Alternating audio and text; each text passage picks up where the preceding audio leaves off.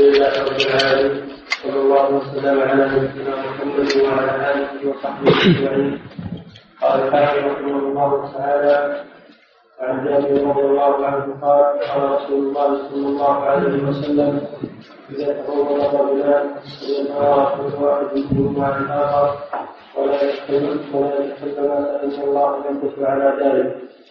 رواه أحمد وصححه القطان وابن السكن وهو معلول لا يتحدث. ولا يتحدث.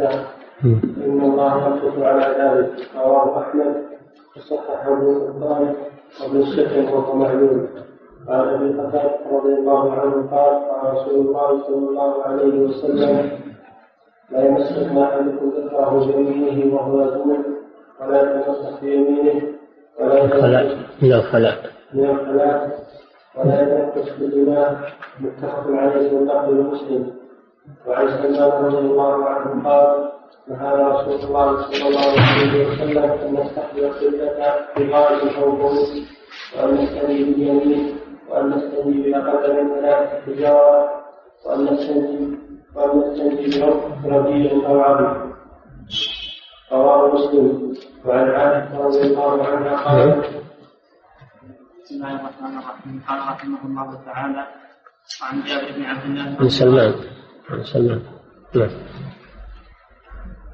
اللي بعده سلمان سلمان وعن سلمان رضي الله عنه قال نهى رسول الله صلى الله عليه وسلم ان نستقبل قبلة بضوء بغالب أو بول وان نستني باليمين أو ان نستني من ثلاث حجاره أو ان نستني برجيع أو عظم رواه مسلم نعم ولي ولأبي أيوب. وللسبعة وعن عن السبعة رضي الله عنه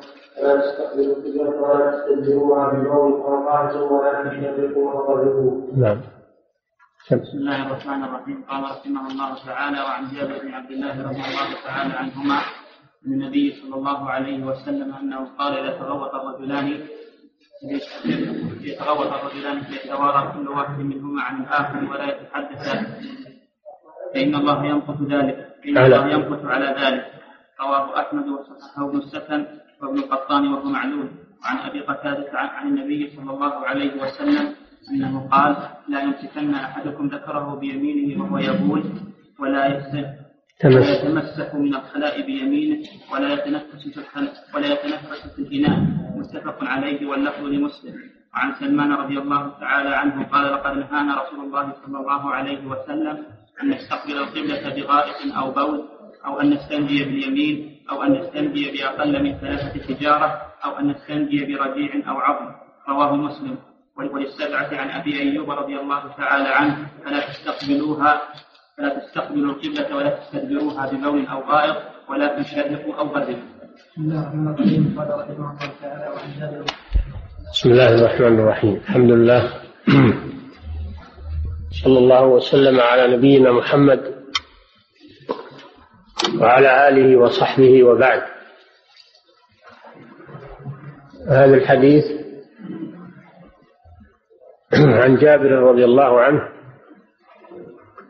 أن النبي صلى الله عليه وسلم أن النبي صلى الله عليه وسلم نعم قال إذا تغوط الرجلان فليتوارى كل منهما عن صاحبه ولا يتحدث فإن الله يمقت على ذلك. رواه أحمد وصححه ابن السكن وابن القطان وهو معلول. قوله صلى الله عليه وسلم إذا تغوط الرجلان تغوط معناه إخراج الغائط وقضاء الحاجة التي تعرض للإنسان. فإن كل إنسان معرض لذلك. وقوله إذا تغوط الرجلان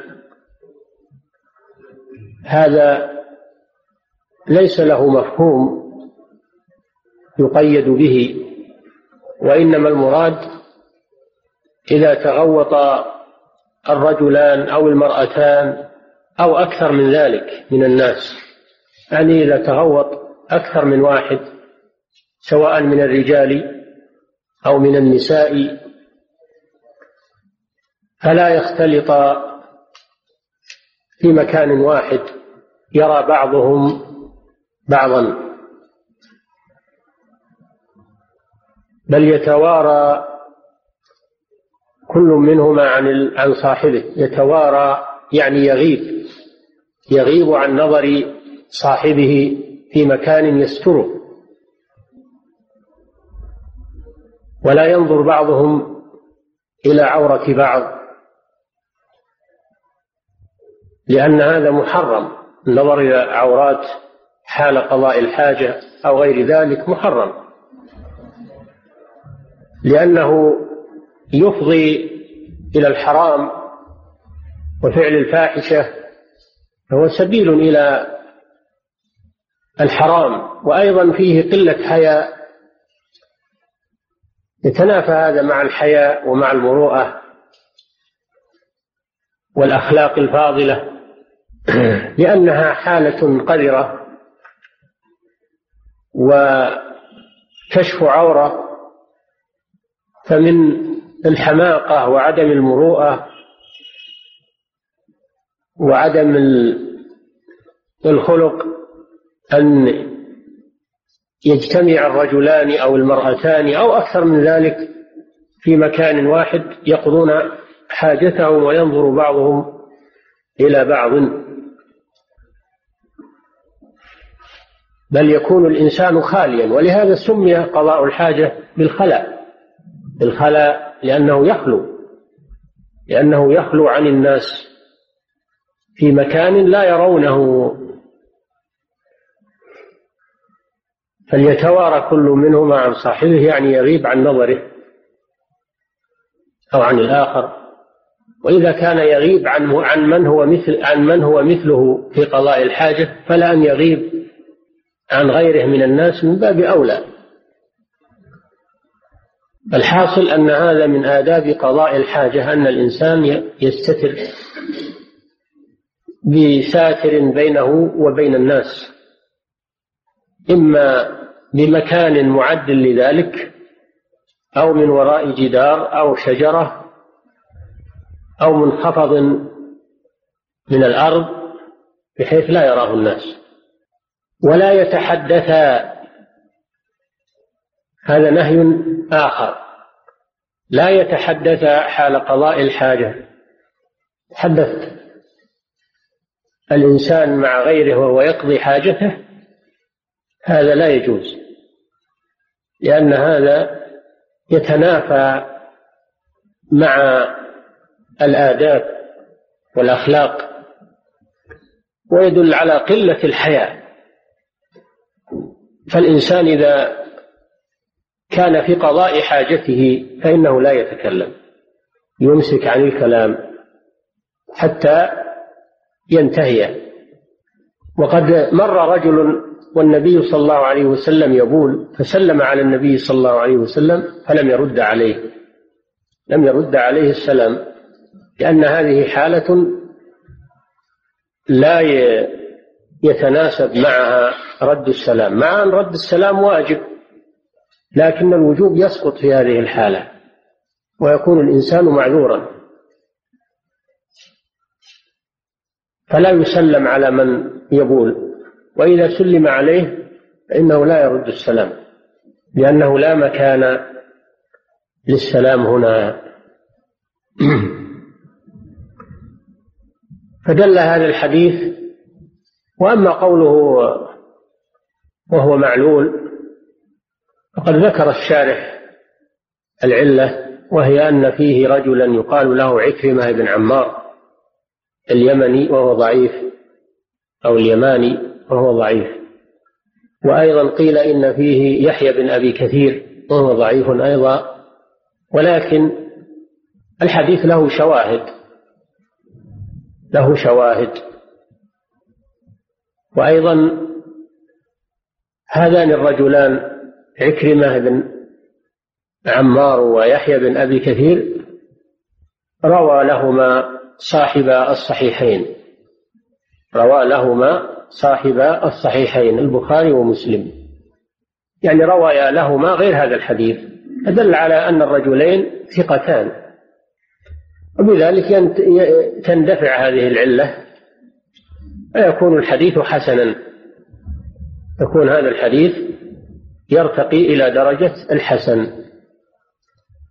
وما قال إنه ضعيف يقول إنه معلول. يعني نظرا لحالة هذين الرجلين وقد علمنا اندفاع هذه العلة فصار الحديث صالحا للاحتجاج. فيستفاد من هذا الحديث أولا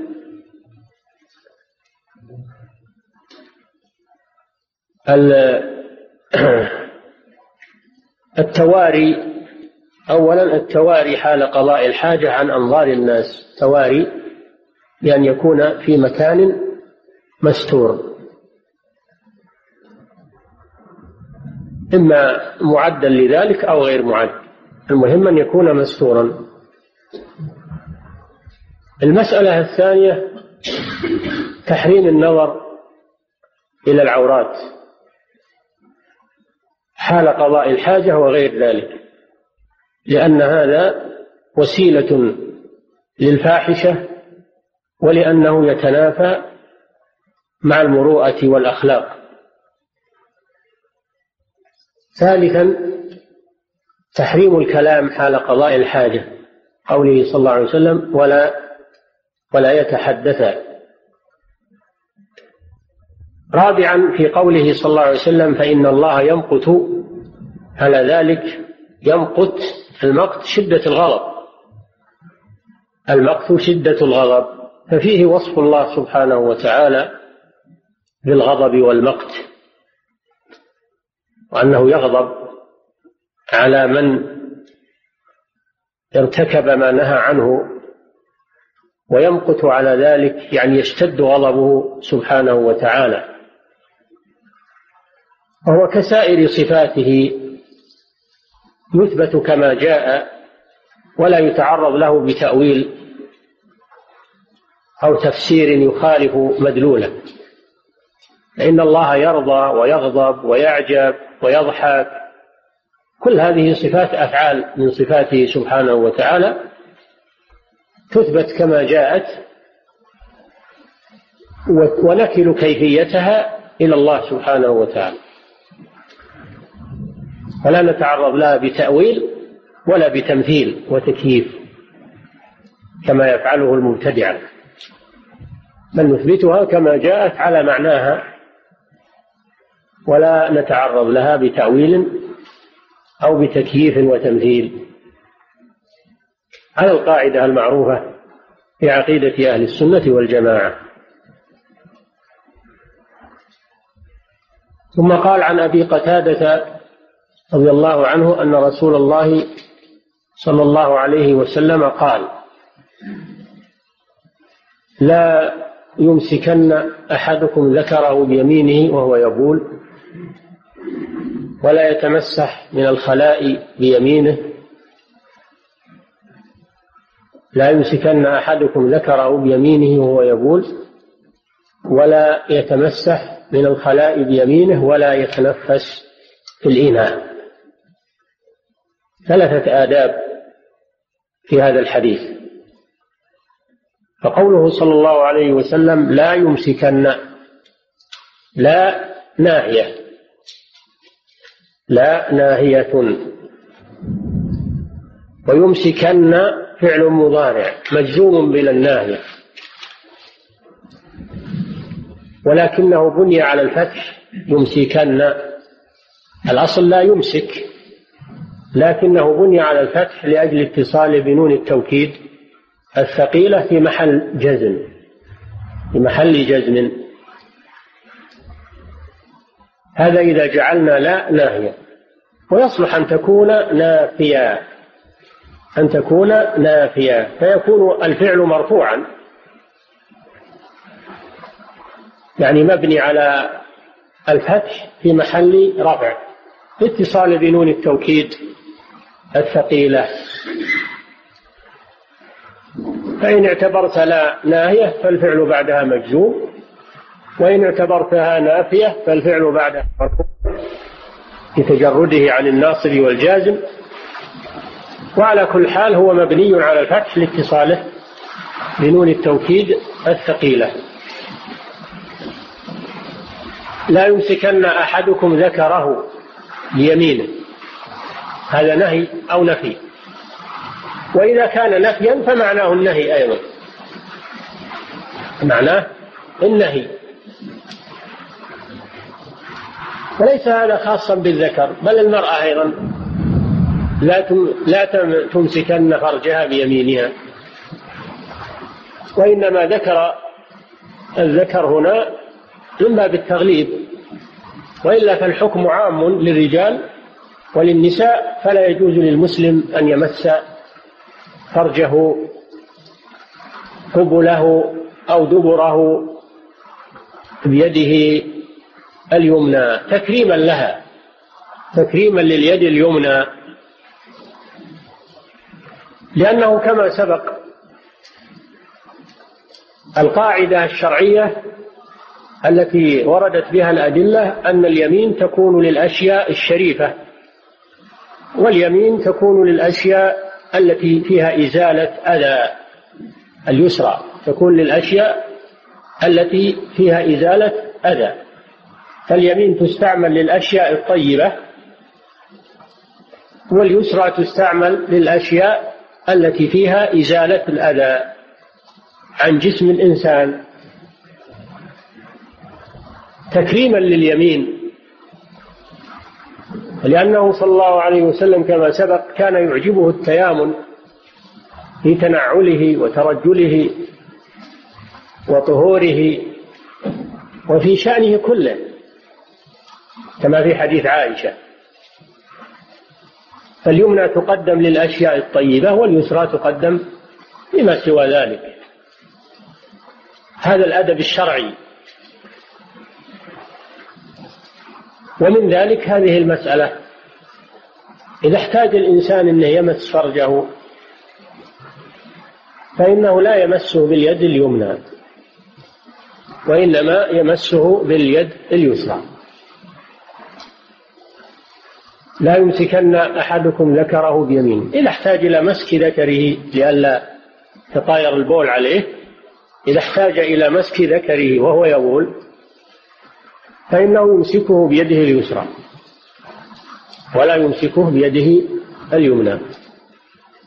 فقد يحتاج الإنسان إلى إمساك ذكره أحيانا لئلا يتطاير عليه البول. فيمسكه بيده اليسرى. لا يمسكن أحدكم ذكره بيمينه وهو يبول. ولا يتمسح الآن ظهر الجزم ولا يتمسح مجزوم بلا الناهية وعلامة جزمه السكون. وإن كانت لا نافية فإن الفعل يكون لا يتمسح بالرفع من الخلاء يعني من الغائط. ولا يتمسح من الخلاء بيمينه. يعني لا يستنجي أو يستجمر معنى, يتمسح يعني لا يستنجي ولا يستجمر بيمينه وإنما يستجمر أو يستنجي بيده اليسرى على القاعدة الشرعية. ولا يتمسح من الخلاء بيمينه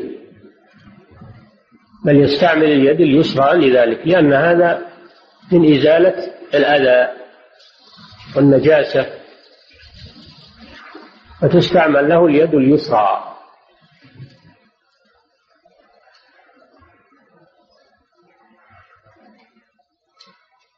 ولا يتنفس في الإناء. هذه المسألة الثالثة. لا يتنفس في الإناء حال الشرب. حال الشرب من الإناء. يتنفس خارج الإناء. لأن تنفسه في الإناء يكرهه على غيره وربما يتطاير مع نفسه شيء من ريقه أو من مخلفات فمه. فيقدر الشراب الذي يشرب منه على غيره أو على نفسه حتى. هذا هو الحكمة في منعه من التنفس في الإناء لئلا يكرهه على غيره أو يغير هذا الشراب بما يقع فيه من نفسه. قد يكون نفسه أيضا فيه رائحة كريهة فتغير رائحة الشراب إلى غير ذلك من المحاذير. المشروع أن الإنسان إذا كان يشرب فإنه يتنفس خارج الإناء ويستحب أن الإنسان يتنفس ثلاث مرات كما كان النبي صلى الله عليه وسلم يفعل. يعني يشرب بثلاثة أنفاس ويكون ذلك خارج الإناء. إلا أن العلماء استثنوا حالة الشراب الحار. الشراب الحار كالقهوة والشاي والمرق. الشيء الحار لا بأس أن الإنسان ينفخ فيه من أجل أن يبرد. الحاجة إلى ذلك. إذا كان الشراب حارا فلا مانع أن الإنسان ينفخ فيه من أجل الحاجة إلى ذلك. ولا يدخل هذا في النهي لأنه لحاجة فلا مانع منه. فهذا الحديث دل على مسائل. المسألة الأولى النهي عن مس الذكر في اليمين وقلنا إن هذا عام في القبل سواء ذكرا أو أنثى لا يمسه بيده اليمنى. تكريما لها. المسألة الثانية النهي عن الاستنجاء أو الاستجمار باليد اليمنى وإنما يستعمل لذلك اليد اليسرى. المسألة الثالثة النهي عن التنفس في الشراب لأن المراد يتنفس في الإناء يعني في الشراب. أما إذا كان الإناء فارغا فلا فلا يدخل في في النهي هنا. المراد الشراب حالة الشراب. المسألة الرابعة في الحديث كما في الحديث الذي قبله دليل على كمال هذه الشريعة. دليل على كمال هذه الشريعة. وأنها جاءت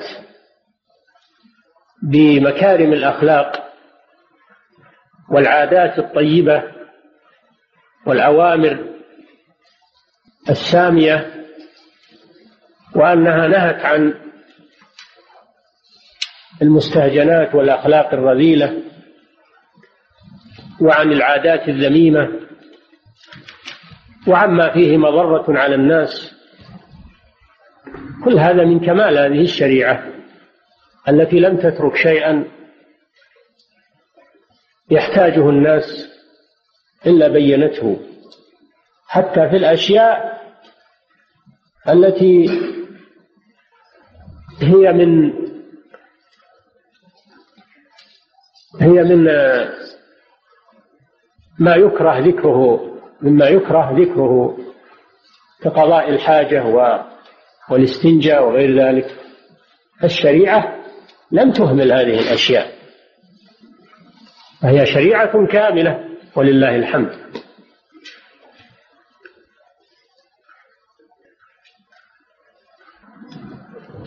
وعن سلمان رضي الله عنه مراد به سلمان الفارسي. سلمان الفارسي. سمي بالفارسي لأنه من أهل فارس. كان أبوه مجوسيا وأهل فارس مجوس. كان أبوه مجوسيا وكان من سدنة النار التي يعبدونها. إلا أن سلمان رضي الله عنه تدين بدين النصارى وترك المجوسية. تدين بدين النصارى وترك المجوسية. وتنقل من الرهبان من راهب إلى راهب. كل راهب إذا حضره الموت فإنه يأمر سلمان أن يذهب إلى راهب آخر يحيله عليه فيذهب إليه سلمان ويكون عنده. وآخر راهب قال والله ما أخبر أحد الآن يعني انقرضوا الرهبان الصالحون انقرضوا ولكن هناك نبي قد أضل زمانه وسيبعث ووصف له مكانه الذي يهاجر إليه وهو المدينة.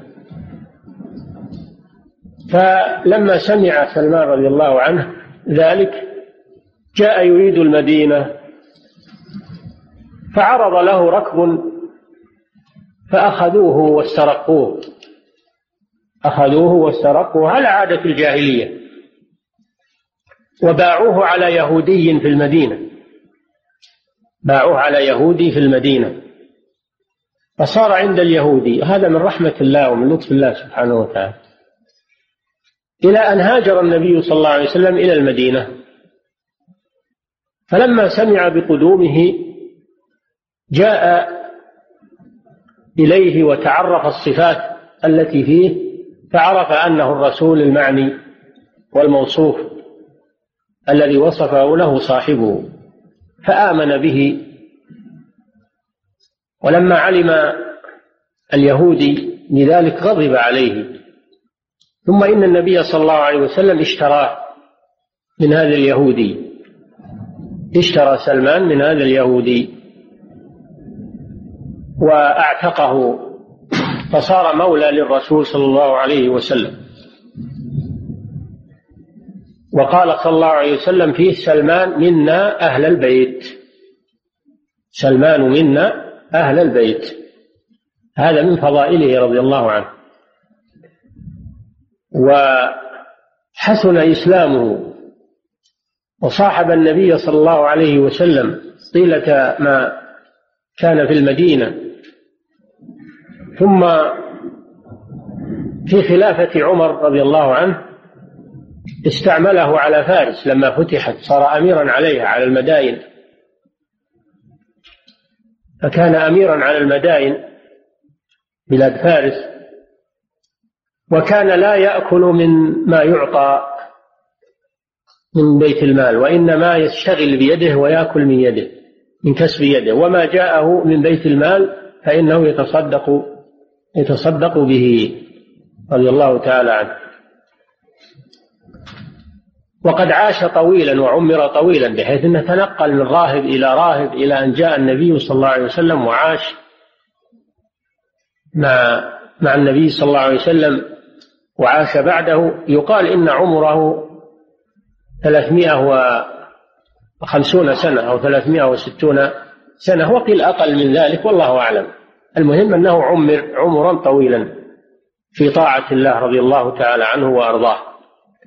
فكان من سادات المسلمين حتى قال فيه رسول الله صلى الله عليه وسلم سلمان منا أهل البيت. يعني من بيت رسول الله صلى الله عليه وسلم. وهذا فضل الله يؤتيه من يشاء. ولأنه رضي الله عنه حرص على طلب الخير وعلى طلب الإسلام والإيمان فوفقه الله لذلك. عن سلمان رضي الله عنه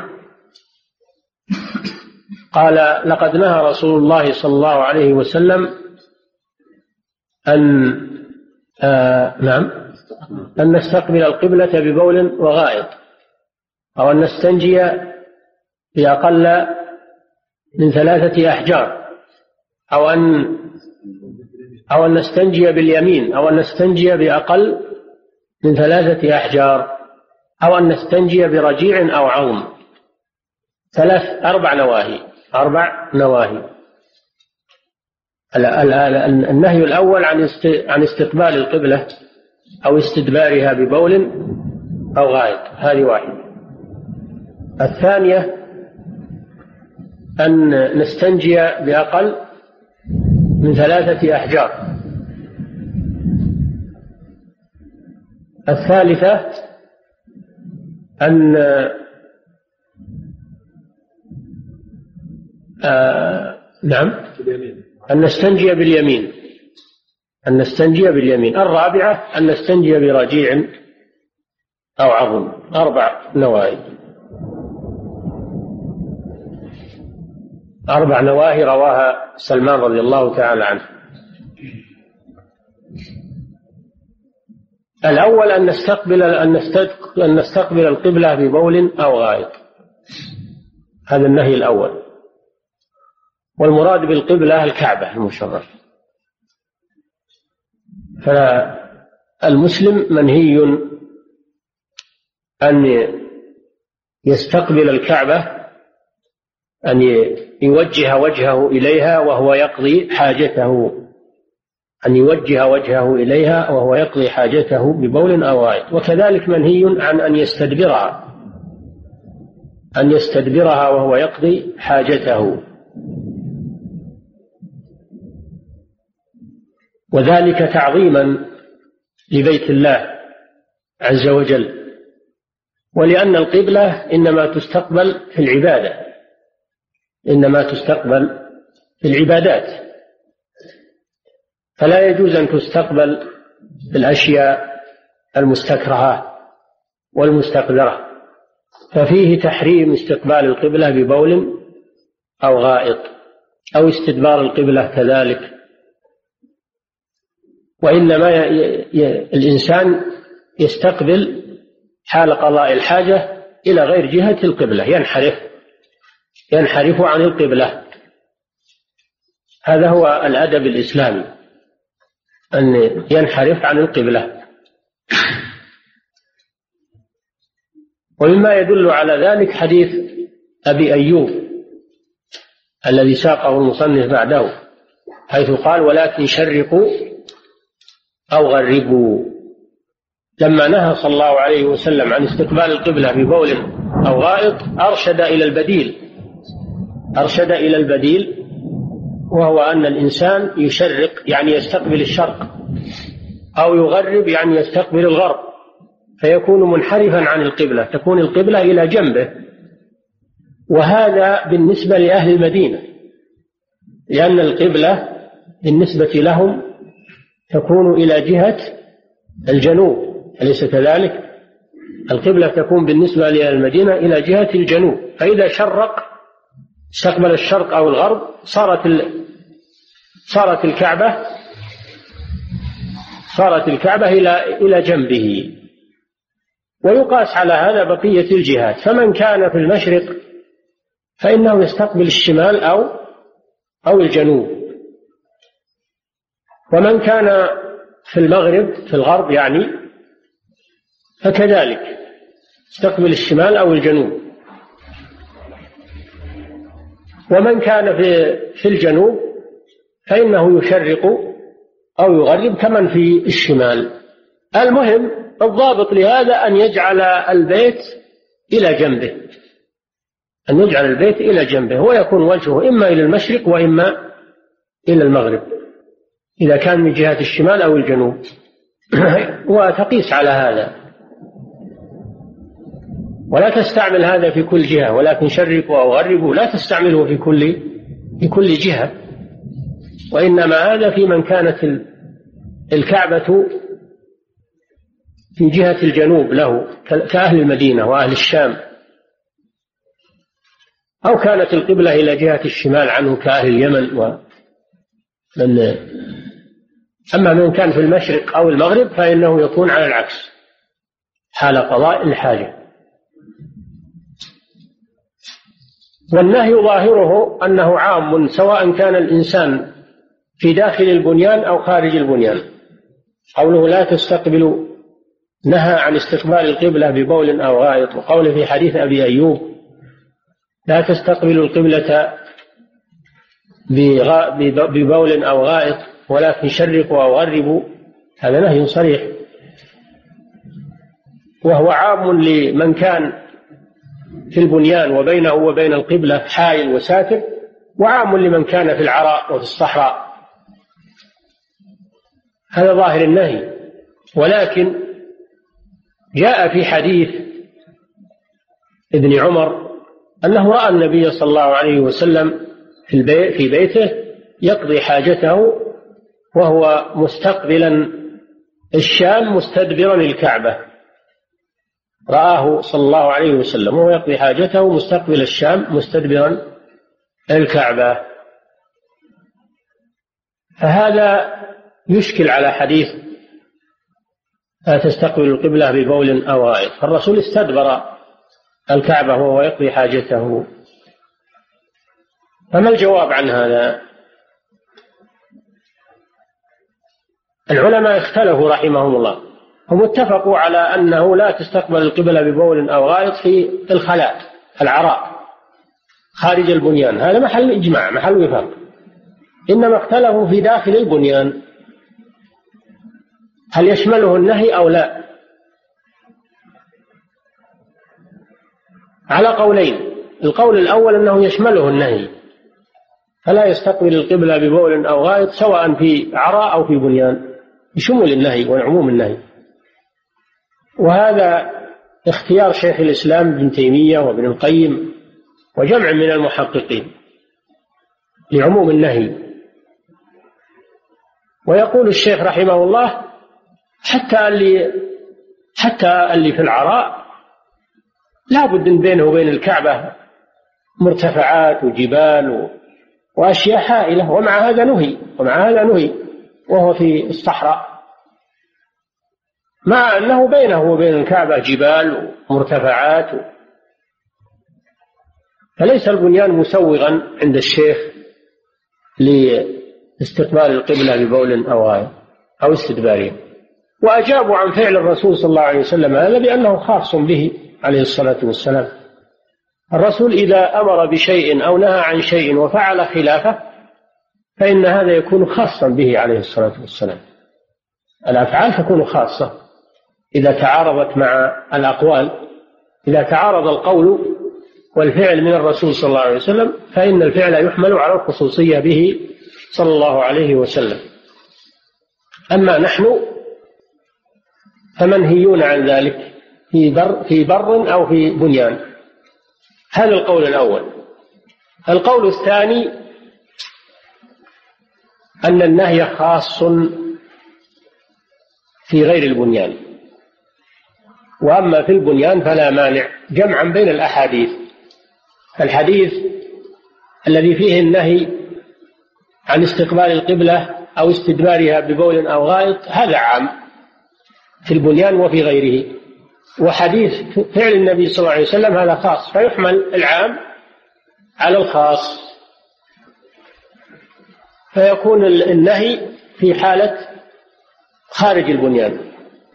وأما في داخل البنيان فلا مانع من ذلك لزوال المحذور بوجود الحائل الذي يستره عن الكعبة. جمعا بين الأحاديث. والإمام الصنعاني في شرح سبل السلام يقول هذا أقرب هذا القول أقرب يعني كأن رجح هذا القول. جمعا بين الأحاديث. فإن من عمل به عمل بجميع الأحاديث. وأما من أخذ بالقول الأول فقد أخذ بطرف من الأحاديث. فهذا هو الذي تجتمع به الأحاديث وهو مذهب الأئمة. أبي حنيفة ومالك وأحمد هو مذهبهم. والله أعلم. هذه المسألة الأولى. لا تستقبل نعم؟ نعم صحيح الثاني. جمعا بين الأحاديث الراجح ما هو الراجح. الراجح الثاني.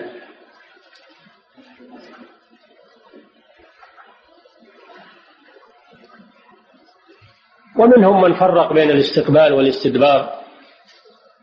قال الاستدبار لا بأس والاستقبال هو الذي لا يجوز. ولكن حديث أبي أيوب نهى عن الاثنين عن الاستقبال والاستدبار. لم يفرق بينهما. نهى صلى الله عليه وسلم أن نستقبل القبلة ببول أو غائط وأن نستنجي باليمين. هذه المسألة الثانية. هذا مثل حديث جابر. مثل حديث جابر فيه النهي عن استعمال اليمين في الاستنجاء مثل حديث جابر. النهي عن الاستنجاء باليد اليمنى.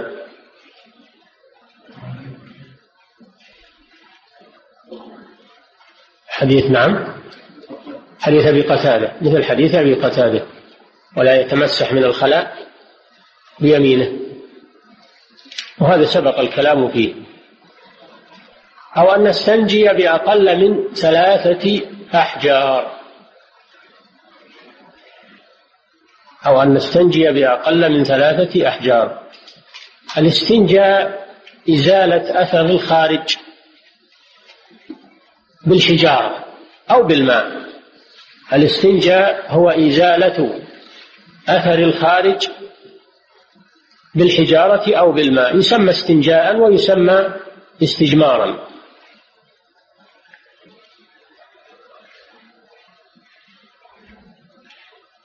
بأقل من ثلاثة أحجار. فلا يستنجي الإنسان بحجر واحد ولا يستنجي بحجرين وإنما النصاب ثلاثة أحجار. فلا يقتصر عليها. لظاهر الحديث فظاهر الحديث أنه لا بد من ثلاثة أحجار.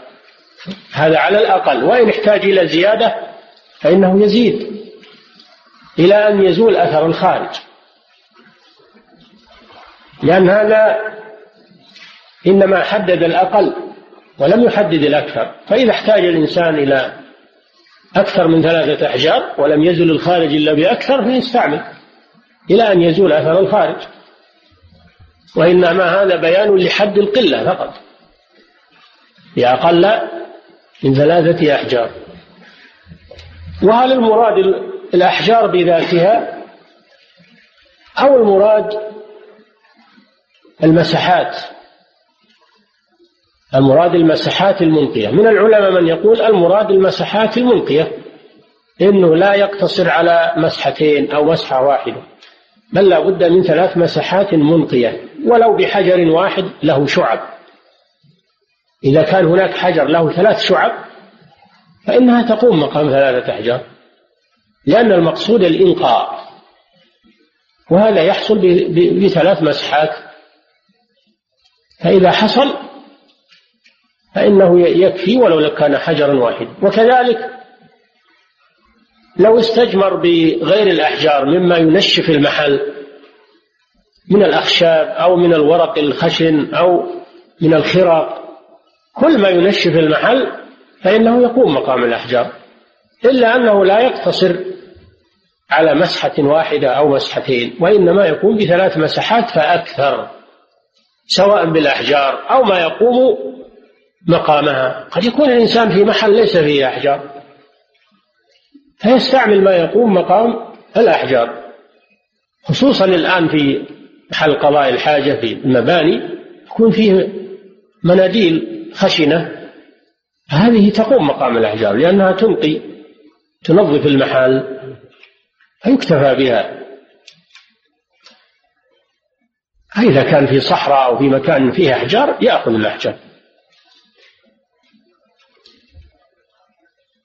أو أن نستنجي بأقل من ثلاثة أحجار. هذه المسألة الثالثة. المسألة الرابعة أو أن نستنجي بثلاثة أحجار. المسألة الرابعة أن نستنجي برجيع أو عظم سبق لنا أن أنه يستنجي بكل ما يقوم مقام الأحجار. من مناديل أو فرق أو خشب أو طين قوي. لكان الطين قويا فإنه يقوم مقام الأحجار أيضا. إلا أنه يستثنى مما يقوم مقام الأحجار شيئان رجيع الدابة ورجيع والعظم. رجيع الدابة والعظم. رجيع الدابة المراد به المراد برجيع الدابة المخلفات التي تخرج منها مثل ما يخرج من الإنسان. مخلفات الأكل مثل ما يخرج من الإنسان يسمى رجيع. سماد مثلا إذا صار سماد أو صار آه، مثلا دمن بعرين أو ما أشبه ذلك فإنه لا يجوز الاستنجاء به بقطع السماد قطع الرجيع. لا يجوز الاستنجاء ولو كان صلبا. ولو كان ينقي أيضا لا يجوز الاستنجاء به لنهي الرسول صلى الله عليه وسلم عن ذلك. وكذلك العظم مع أنه صلب وينقي لا يجوز أيضا الاستنجاء به. ممنوع. بنهي النبي صلى الله عليه وسلم. فهاتان المادتان رجيع الدابة والعظام سائر العظام كلها لا يجوز للمسلمين أن يستنجوا بها ولو كانت تنقي المحل. ما الحكمة في ذلك؟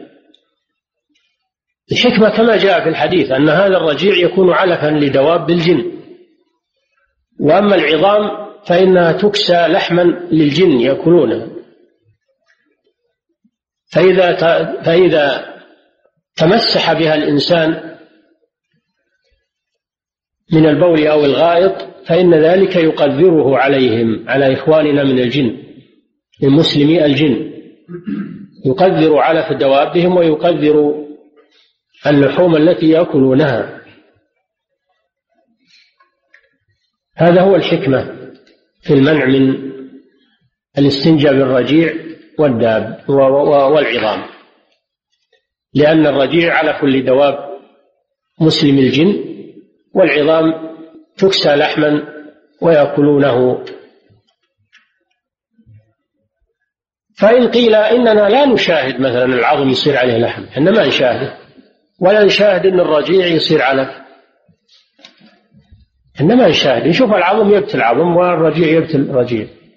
فنقول هذا من علم الغيب الذي لا يعلمه إلا الله سبحانه وتعالى. هذا من علم الغيب. المهم أنك منهي عن هذا. وأما أنك ما تراه فلا يدل على أنه لا يحصل. يحصل وأنت ما تدري. الله على كل شيء قدير. الله على كل شيء قدير.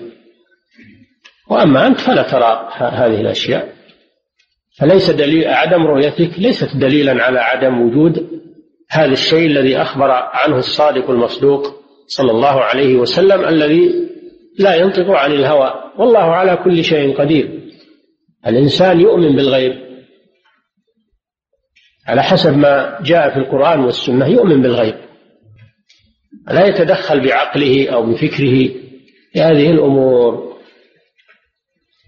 الواجب على المسلم أن يسلم ويؤمن بما قاله الله أو قاله رسوله صلى الله عليه وسلم وإن كان لا يرى ولا يعرفه بعقله. فيدل هذا على هذا الحديث على مسائل. المسألة الأولى تحريم أو تقول النهي النهي بدل التحريم النهي النهي عن استقبال القبلة حال قضاء الحاجة. تشريفا لها وتكريما لها. والتفصيل في المسألة بالبنيان وخارج البنيان هذا شيء آخر. المسألة الثانية فيه أن المفتي إذا نهى عن شيء أنه يذكر البديل إذا أمكن إذا كان هناك بديل. النبي صلى الله عليه وسلم لما نهى عن استقبال القبلة أو استدبارها قال شرقوا أو غربوا ذكر لهم البديل. فالإنسان إذا منع شيئا وله بديل فإنه يرشد إليه من أجل ألا يضيق على الناس. ولأن هذا يكون أدعى للقبول. أدعى للقبول. ما دام هناك بديل. ولكن شرقوا أو غربوا. وهذا مر له نظائر كثيرة أن النبي صلى الله عليه وسلم إذا نهى عن شيء وله بديل فإنه يذكره. المسألة الثانية فيه النهي عن الاستنجاء باليمين وهذا سبق المسألة الثالثة فيه مشروعية الاستجمار فيه مشروعية الاستجمار وأنه يكفي عن الماء. إذا أنقى يكفي عن الماء. وقد سبق لنا التفصيل في هذا أن الأحوال ثلاث. إما أن يقتصر على الاستجمار وإما أن يقتصر على الاستنجاء بالماء وإما أن يجمع بينهما. والجمع بينهما أفضل الجمع بينهما أفضل. وقد قيل في قوله تعالى في أهل قبى فيه رجال يحبون أن يتطهروا والله يحب المطهرين أنهم كانوا يجمعون بين الحجارة والماء فأثنى الله عليهم بذلك. يجمعون بين الحجارة والماء. لأن هذا أنقى وأتم. المسألة الثالثة الرابعة نعم. المسألة الخامسة فيه اشتراط ثلاث مسحات فيه اشتراط ثلاث مسحات الذي هو كناية عن ثلاثة الأحجار وأنه لو أنقى بدونها فلا يكفي لا بد من ثلاث ثلاثة أحجار أو ثلاث مسحات منقية هذا المطلوب. المسألة السادسة في نهيه صلى الله عليه وسلم عن الاستنجاء بالرجيع والعظم دليل على استعمال ما يقوم مقام الأحجار. لأنه لو كان المقصود الاقتصار على الأحجار فقط ما يحتاج إلى النهي عن البول عن الروث والعظم. فدل على أنه يجوز استعمال غير الأحجار مما يقوم مقامها إلا أنه يمنع من هذين الشيئين. المسألة السابعة فيه دليل على المنع من الاستنجاء بالروث أو الرجيع والعظام والحكمة في ذلك ما أشار إليه النبي صلى الله عليه وسلم. من جعله هذه الأشياء ينتفع بها إخواننا من الجن.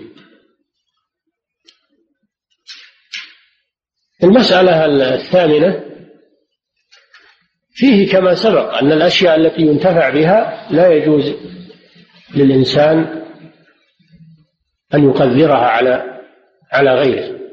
سبق النهي عن البول في الموارد والبول في قارعة الطريق والظل والأشجار المثمرة. وهذا مثلها أيضا لأنه نهى عن الاستنجاء بالرجيع والعظم لأن الجن ينتفعون به. ففيه دليل على المسألة وأن ما ينتفع به فإنه لا يجوز للإنسان أن يفسده على الناس. المسألة التاسعة بحديث دليل على كمال هذه الشريعة وأنها ما تركت شيئا يحتاجه الناس إلا بينته. هذه حالات خاصة حالات قضاء الحاجة وحالات الاستنجاء والاستجمار. مع هذا الشريعة بينتها أتم بيان والحمد لله. دل على كمال هذه الشريعة العظيمة. وأنها ما تركت شيئا إلا وبينته. والله جل وعلا لا يستحي من الحق. ما يحتاجه الناس بينه سبحانه وتعالى.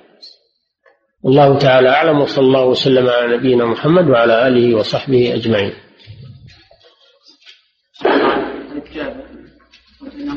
ذلك نعم. إن عد الفعل في على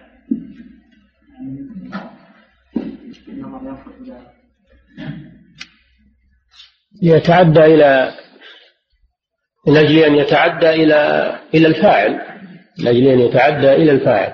لأنه لو قيل يمقت ذلك لصار المقت منصبا على الفعل فقط. فإذا قال على ذلك صار يتعدى إلى الفاعل أيضا. نعم يعني يمقت من فعل هذا. يمقت هذا الفعل ويمقت من فعله. نعم.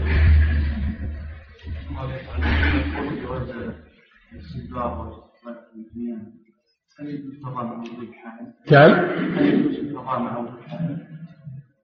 إيه إذا وجد حائل إذا وجد حائل يحول بينه وبين الكعبة يجوز. نعم. بسم الله الرحمن الرحيم. فضيلة الشيخ هل النهي في حديث قتادة من باب الكراهة والتحريم؟ وهل درجة النهي متساوية في مس الذكر والتمسك أو التنفس أم أن النهي مختلف بين هذه الأحوال؟ النهي للكراهة يقولون النهي للكراهة في جميع هذه الأشياء النهي ليس للتحريم وإنما هو للكراهة لأن هذه الأشياء من الآداب التي ينبغي التي ينبغي العمل بها والأشياء التي في نطاق الآداب يكون الأمر فيها للاستحباب والنهي فيها للكراهة. هكذا يقول كأنها قاعدة عندهم. نعم. ما كان من باب الآداب فإن الأمر يكون فيه للاستحباب والنهي يكون للكراهة. نعم. ولا لو مشينا على الظاهر ظاهر التحريم. ومن العلماء من يرى هذا من يرى أنه للتحريم. ولذلك البخاري رحمه الله ترجم بقوله باب النهي عن كذا ولم يقل باب تحريم كذا قال باب النهي عن كذا ولم يقل باب تحريم كذا لأن هذا النهي محتمل فهذا من دقته رحمه الله. نعم. نعم. في حديث السابق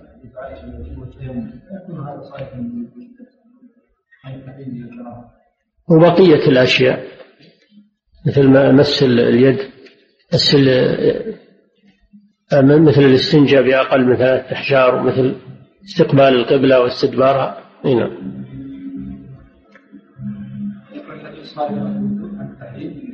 لو لو صرف هذا ما يصلح البواقي. لا هو الصارف الله أعلم أن هذه القاعدة أن ما كان من باب الآداب ما كان من باب الآداب فإنه لا يصل إلى حد التحريم. نعم. نعم ذكرتم حفظكم الله النهي عليه السلام لمن اشتغل قضاء الحاجة نعم سؤال ما هي الأحوال التي ينهى فيها عن السلام؟ الأحوال التي ينهى فيها عن السلام مثل إذا دخل الإنسان والإمام يخطب الجمعة الإنسان ما يسلم وإن سلم ما يرد عليه السلام وأيضا مثلا إذا كان الناس يشتغلون بدرس من دروس العلم الإنسان ما يسلم إذا جاء يجلس ولا يسلم لأنه يشغلهم. إذا سلم شغلهم وشوش عليهم كذلك الذي يتلو القرآن إذا كان الإنسان يتلو القرآن فإنك لا تسلم عليه لأنك إذا سلمت عليه شوشت عليه القراءة. خصوصا إذا كان يقرأ عن ظهر قلب إنك تشوش عليه. حتى إنهم قالوا إذا صار الناس يتحدثون فيما بينهم. اثنين يحدثون فيما بينهم لا تسلم. أنك لا سلمت شوشت عليهم. وكذلك من الأحوال قضاء الحاجة كما كما عرفتم في هذا الدرس. الإنسان يقول ولا يتغوط؟ لا يجوز السلام عليه إلى غير ذلك من الأحوال. نعم.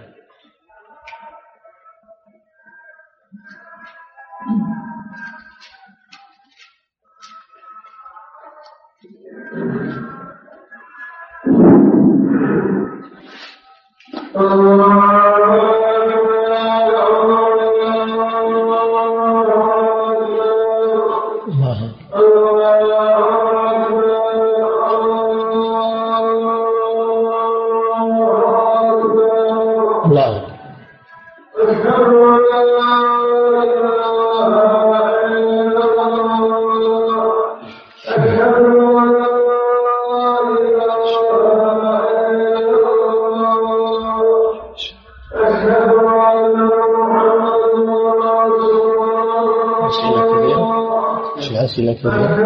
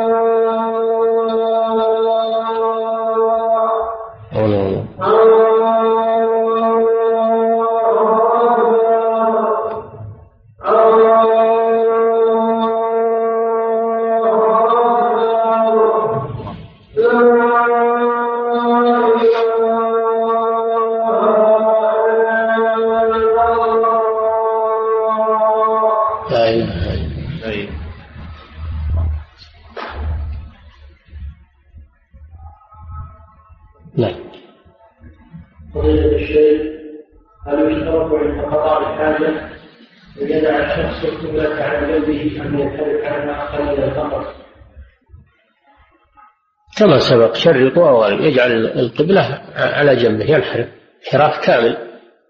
ينحرف انحراف كامل بحيث تكون القبلة إلى جنبه. ليست أمامه ولا خلفه. نعم. هل الحمامات في هذا الزمان تسمى حشوشا؟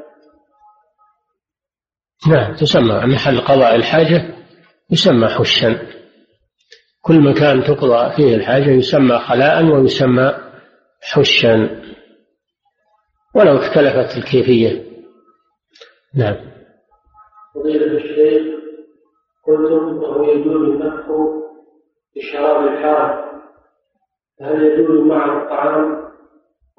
هل يدخل مع الطعام؟ وما الحكم إذا كان الشراب أو الطعام مشترك بين أناس يتخذون الطعام ينفخ اللقمة التي يأخذها. اللقمة له هو ما هي مشتركة. والشراب كذلك. الغالب أنه خاص به أنه شيء خاص إما كاس وإما فنجان وإما شيء خاص به فينفخ فيه. ما ما في مانع. وأيضا الحاجة تدعو إلى هذا. تدعو إلى هذا. نعم. إذا كان النهي لا يشمل ما هو في البنيان لوجود السادة فماذا لماذا يرد على أحد أيوب الأنصاري رضي الله عنه أنه وجد في الشام مراحيض بنيت قبل قبل القبلة فانحرف وننحرف ونستغفر الله. نعم هذا على الأخذ بعموم النهي. أخذوا بعموم النهي. وأبو أيوب من الذين يرون عموم النهي في البنيان وغيره. نعم. ويحملون حديث فعل الرسول صلى الله عليه وسلم على الخصوصية به. نعم. يحمل على أن أبا أيوب يرى هذا الرأي. نعم. ومن الشيخ هل يجوز استقبال الشمس في حالة البول والغائط؟ نعم يجوز. والحديث اللي ورد يقول استقبال النيرين هذا حديث غير صحيح. يعني حديث لا أصل له. حديث لا أصل له. ولا يصلح للاحتجاج.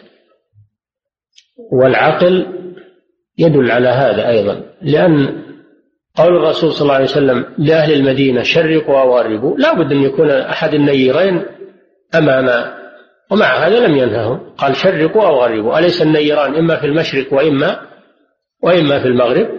لا بد من هذا. دل على أن هذا الحديث لا أصل له. النهي عن استقبال النيرين لا أصل له. يجوز. ولا مانع من ذلك. نعم.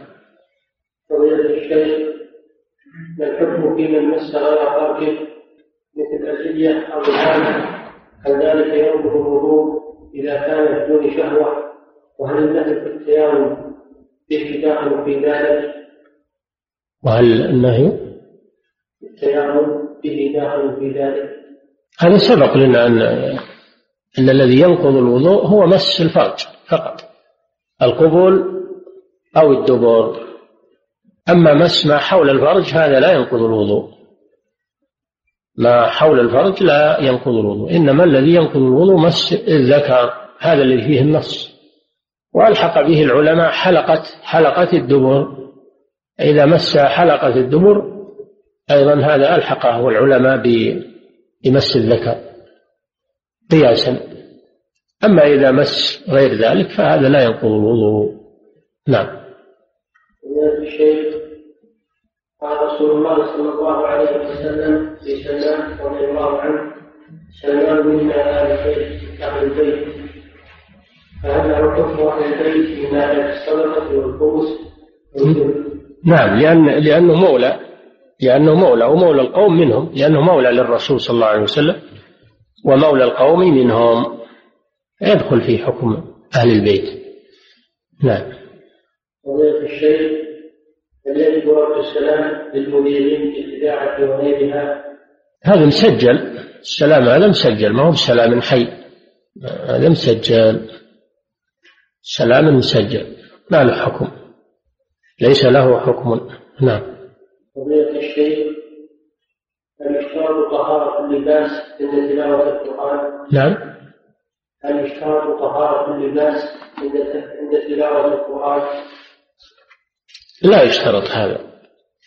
حتى طهارة الطهارة من الحدث لا تشترط. من الحدث الأصغر لا تشترط لمن يقرأ القرآن عن ظهر قلب. إنما تشترط لمن يمس المصحف فقط. فلا مانع أن الإنسان يقرأ القرآن وعليه ملابس نهي طاهر ما في مانع. أو أن يقرأ القرآن عن ظهر قلب وهو غير متوضئ. لا مانع من ذلك. نعم. قضية الشيء هل تشترط الطهارة عند النية للعمرة أو الحج عند الميقات؟ استحب. استحب عند الإحرام أن يحرم وهو على طهارة لأن الإحرام عبادة وكونه يؤديها على طهارة أفضل. نعم. وليس بواجب. لو أحرمه على غير وضوء إحرامه صحيح. نعم. فضيلة الشيخ عند والدتي أموال المودعة لأخواتي لأخوات المتزوجات يأخذن منها كل ما اعتدى شيئا ولكن لم تخرج زكاته منذ سنين. فما الحكم في ذلك؟ وإن كان فيه زكاة فكيف يخرج؟ وكم النصاب بالنسبة للعملة السعودية؟ الزكاة تجب على صاحبات المال. كل واحدة تجب عليها زكاة مالها. زكاة مالها. وإذا وكلنا أمهن التي هي المودع عندها إذا وكلناها في إخراج الزكاة عن الجميع فلا بأس. أما إذا لم يوكلنها فيه ليس لها دخل. إنما الزكاة تجب على صاحبات الدراهم. كل واحدة تزكي نصيبها إذا بلغ نصابا. إذا بلغ نصابا. فهي تزكيه نعم. أما المودع عنده فليس عليه شيء إلا إذا وكل. إذا وكل من قبل المودع فلا بأس. نعم. فضيلة الشيخ ما الحكم في من استمع في نهاية رمضان وفعل بالحرمة ولم يقل ذلك اليوم منذ أربع خمس سنوات؟ الحكم أنه يجب عليه القضاء لأن الاستمناء يفسد الصيام. خروج المني بلذة يفسد الصيام. فعليه القضاء وعليه مع القضاء إطعام مسكين عن التأخير. إطعام مسكين عن التأخير. وإلا فالاستمناء يفسد الصيام. لأن النبي صلى الله عليه وسلم يقول في الصائم في الحديث القدسي أن الله سبحانه وتعالى يقول في الصائم يدع شهوته وطعامه وشرابه من أجلي فكما يدع الطعام والشراب يدع الشهوة. والاستمناء شهوة فإذا فعلها متعمدا بطل صومه كما إذا أكل أو شرب متعمدا بطل صومه. وما ينسب إلى بعض طلبة العلم من أن الاستمناء لا يفسد الصيام هذا قول مردود قول فيه نظر. لا يجوز العمل به لأنه وجهة نظر من شخص. والنبي صلى الله عليه وسلم كما في الحديث القدسي يقول يدع يدع شهوته وطعامه وشرابه من أجل فهذا لم يدع شهوته. هذا لم يدع شهوته. نعم. فضيلة الشيخ ما الحكم في من استمنى في الحج قبل أربع سنوات ولا يدري أهو قبل التحلل الأول أم بعده؟ ما دام ما يدري ما عليه شيء. إذا تيقن أن قبل التحلل الأول يذبح شاة. يوزعها على المساكين في الحرم يذبح شاة يوزعها على فقراء الحرم. إذا تيقن أنه قبل تحلل من الإحرام الأول أو الثاني تحلل الأول أو الثاني كله سوا أما ما دام أنه لا يعلم فليس عليه شيء لأن الأصل براءة الذمة. نعم. الشيخ ما الحكم في العمل في مؤسسة النقد العربي هل هو في العمل في البنوك؟ هذه مؤسسة حكومية. مؤسسة حكومية. فإذا كانت كان العمل ليس هو في معاملات الربا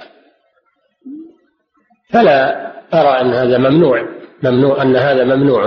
أنه يعمل عند الحكومة هو كما يتوظف في سائر الأعمال. ولكن أما إذا كان هذا العمل مخصص للفوائد الربوية والأعمال الربوية فلا يجوز لا في مؤسسة النقد ولا في غيره. وعلى كل حال الابتعاد عن المؤسسة أصلا والتوظف في مكان آخر هذا أحوط للإنسان. الابتعاد عن المؤسسة نهائيا توظف في مجال آخر أو في دائرة حكومية أخرى لا علاقة لها بالمصارف والأشياء التي يدخلها شيء من الربا أو فيها شبهة الابتعاد عنها أحوط للإنسان وأبرأ لذمته. نعم.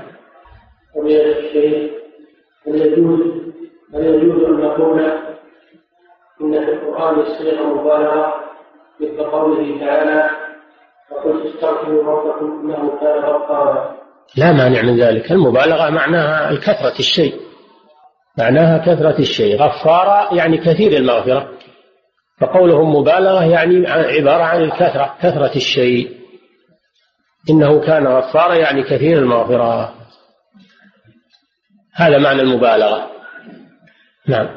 وزيادة المغفرة. فلا مانع من هذا اللفظ. نعم.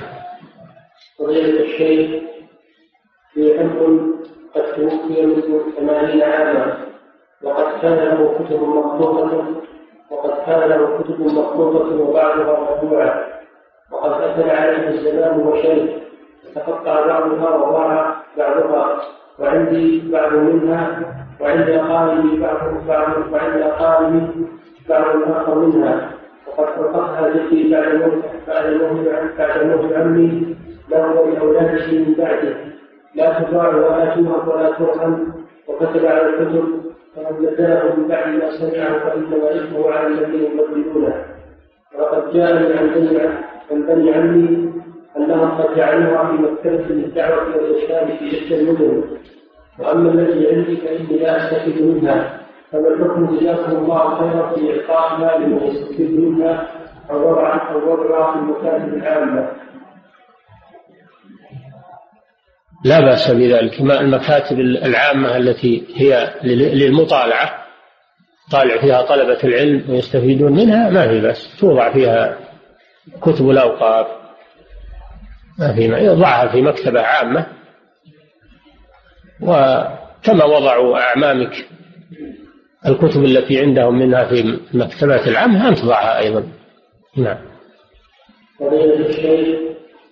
أرجو أن على طريقة أو كتاب لتحديد أوقات النهي عن الصلاة في المقاييس العصرية. واضح ما يحتاج إلى كتاب. مواقيت النهي عن الصلاة من صلاة العصر إلى غروب الشمس. هذا واحد. الثاني من صلاة الفجر إلى ارتفاع الشمس. قيد رمح هذا الشيء يشاهد. إذا شفت الشمس مرتفعة عن الأفق الشرقي مقدار رمح جازت الصلاة. الوقت الثالث من توسط الشمس في كبد السماء على الرؤوس إلى أن تزول إلى جهة الغرب. ولو قليلا. إذا ظهر الظل من جهة الشرق جازت الصلاة. أما ما دام ليس فيه ظل وإنما الشمس متوسطة على الرؤوس لكن هذا وقت قليل يقولون ما يسع صلاة لا يسع صلاة. نعم ولكن إذا بلغت الشمس هذا الحد صارت متوسطة على الرؤوس فأمسك عن الصلاة حتى تزول إلى جهة الغرب وعلامة زوالها ظهور الظل إلى جهة الشرق. هذه مواقيت النهي. نعم. هل ورد دليل على أن من قضى حاجته فإنه يجب باستجماله أي أنه إذا اقر محلا في أربعة حجارة زاد خامسة وإذا اقر بستة بستة حجارة زاد سابعة وهكذا. نعم دليلنا هذا الحديث الذي قرأنا أو أن نستنجي بأقل من ثلاثة أحجار دل على طلب الإيثار طلب الإيثار وأن لا يقتصر على عدد زوجي أو عدد شفع بل يوتر فإذا أنقى بأربعة يجعل خامس إذا أنقى بستة يجعل سابع وهكذا. كما أنه إذا أنقى باثنين يجعل ثالث ولا بد كما في هذا الحديث. نعم. الشيخ نحن في قرية وفيها نصارى. فإذا مات عندنا الميت تتبع جنازته وكذلك صنع الطعام لأهل الميت فمن حكمه؟ حكم هذا لا يجوز. لا يجوز للمسلم أن يتبع جنازة كافر. لا يجوز هذا. ولا يجوز صنعة الطعام آه، بمناسبة الوفيات كما يعمل من الولائم والحفلات كل هذا من البدع. إنما الذي يصنع طعام لأهل الميت لأنهم مشغولون بالمصيبة. فيساعدون بأن يصنع طعام بقدر حاجتهم يدفع إليهم يأكلونه في أيام حزنهم. هذا الذي أرشد إليه النبي صلى الله عليه وسلم. أما أنه يصنع أطعمة أكثر من هذا ويجعل حفلات ومآكل كثيرة ويجتمع الناس من من قريب وبعيد هذا كله منهي عنه ولا يجوز. نعم. وأما يعني اتباع جنازة الكافر هذا لا يجوز للمسلم. إنما إذا مات الكافر وليس له أحد من الكفار يدفنه فإن المسلم يدفنه. إذا مات الكافر وليس له من الكفار أحد يدفنه يتولى دفنه فلا بأس أن المسلم يدفنه. لأن النبي صلى الله عليه وسلم أمر بدفن أبي طالب. أمر عليا بدفن أبي طالب وقال اذهب فواره. هذا إذا لم يكن له أحد يدفنه. لا يترك على الأرض جيفة يدفن. نعم. فضيلة الشيخ هل للجن هل للجن دواب وكيف هي؟ لهم دواب الله أعلم بها. الرسول صلى الله عليه وسلم يقول علف لدوابهم فلهم دواب. أما كيف هي الله أعلم بها. ما رأيناها وهذا قلنا من علم الغيب الذي نؤمن به ولا ندخل في في تفاصيله. نعم. خلاص. الله أعلم وصلى الله وسلم على نبينا محمد وعلى آله. لا أدري قول الله تعالى نهى عن نهى الأنبياء عن في القدر. ما أدري عندك كذا؟ نعم ونهوا عن الجدال في القدر الأنبياء نعم ونهى رب جل اسمه عن كلام القدر إيه ما أدري وين تبي تسيس علي؟ هذه نفس هذا ما مصير إلى نوح إيش؟ إيش؟ يمكن شيء يمكن من, من هذا النوع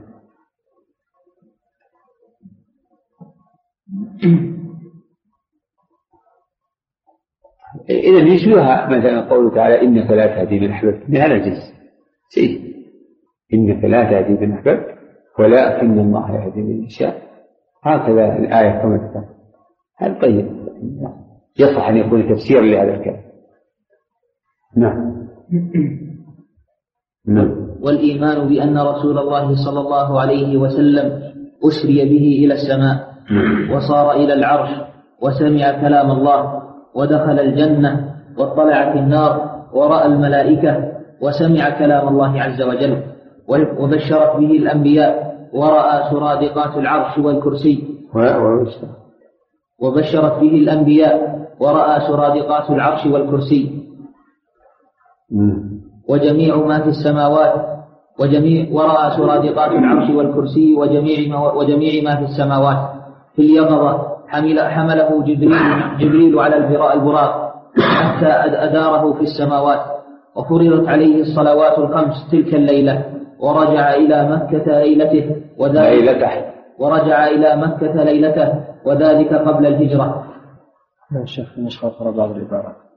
وذلك قبل الهجرة قبل سوين النسخة الأخرى فيها بعض العبارات. فيها خلاف شيء بسيط. الجملة الأولى انتهى مقطع نعم. وسمع كلام الله هنا وكلم الله تبارك وتعالى. ونشرت له الأنبياء. نشرت؟ نعم. بشرت به الأنبياء. لا نشرت. هذا أصدق. صح. نشرت. بشرت به الأنبياء. ما لها مناسبة في الاسم وإذا لا ما لها مناسبة كانت مشكلة في ذهني. إن كانت بشرت بشرت فيه أو بشرت به الأنبياء. ما لها مناسبة في في موضوع الإسراء. الأولى أيضا الشيخ كلم الله نشرت له نشرت له كأنها يعني بعثوا له على كلامه نعم نعم إيش؟ كلم الله تبارك وتعالى لأنه ذكر كرر وسمع كلام الله عز وجل. النسخة اللي قرأها حمد كرر. وسمع كلام الله؟ نعم. وعندك؟ الأولى وكلم الله تبارك وتعالى. إيش بعده؟ ودخل الجنة واطلع إلى النار ورأى الملائكة وسمع كلام الله عز وجل. إيه مرتين هي جاء عندنا هناك واطلع في النار. إيه وعندك واطلع إلى النار ورأى الملائكة. يعني سهل طلع إلى النار. طلع إلى النار لا هو الذي في في رواية مثل هذا المعنى طلعت في النار. طلعت في النار. واطلع في النار. في طبعا أيضا واطلع في النار. إيه. هذا الموضوع أيضا كبير وأنا أدري موضوع الإسراء يعني يحتاج إلى وقفة. أطول لعلنا نرجع يحتاج إلى وقفة وتأمل في بعض النقاط وفي بعض كلام المؤلف. يحتاج إلى نعم من معه؟ عبد الله خليفة من الله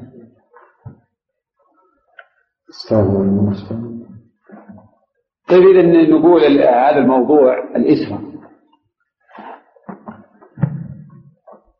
يعني مما يجب الإيمان به ما أخبر الله به سبحانه مما أكرم الله به نبيه وأظهر به شرفه وأقام به الحجة على عباده. وهو أنه أسرى بنبيه من المسجد الحرام إلى المسجد الأقصى بنص القرآن. كما في الآية الأولى من سورة بني إسرائيل. أسري به. فذهب في الليل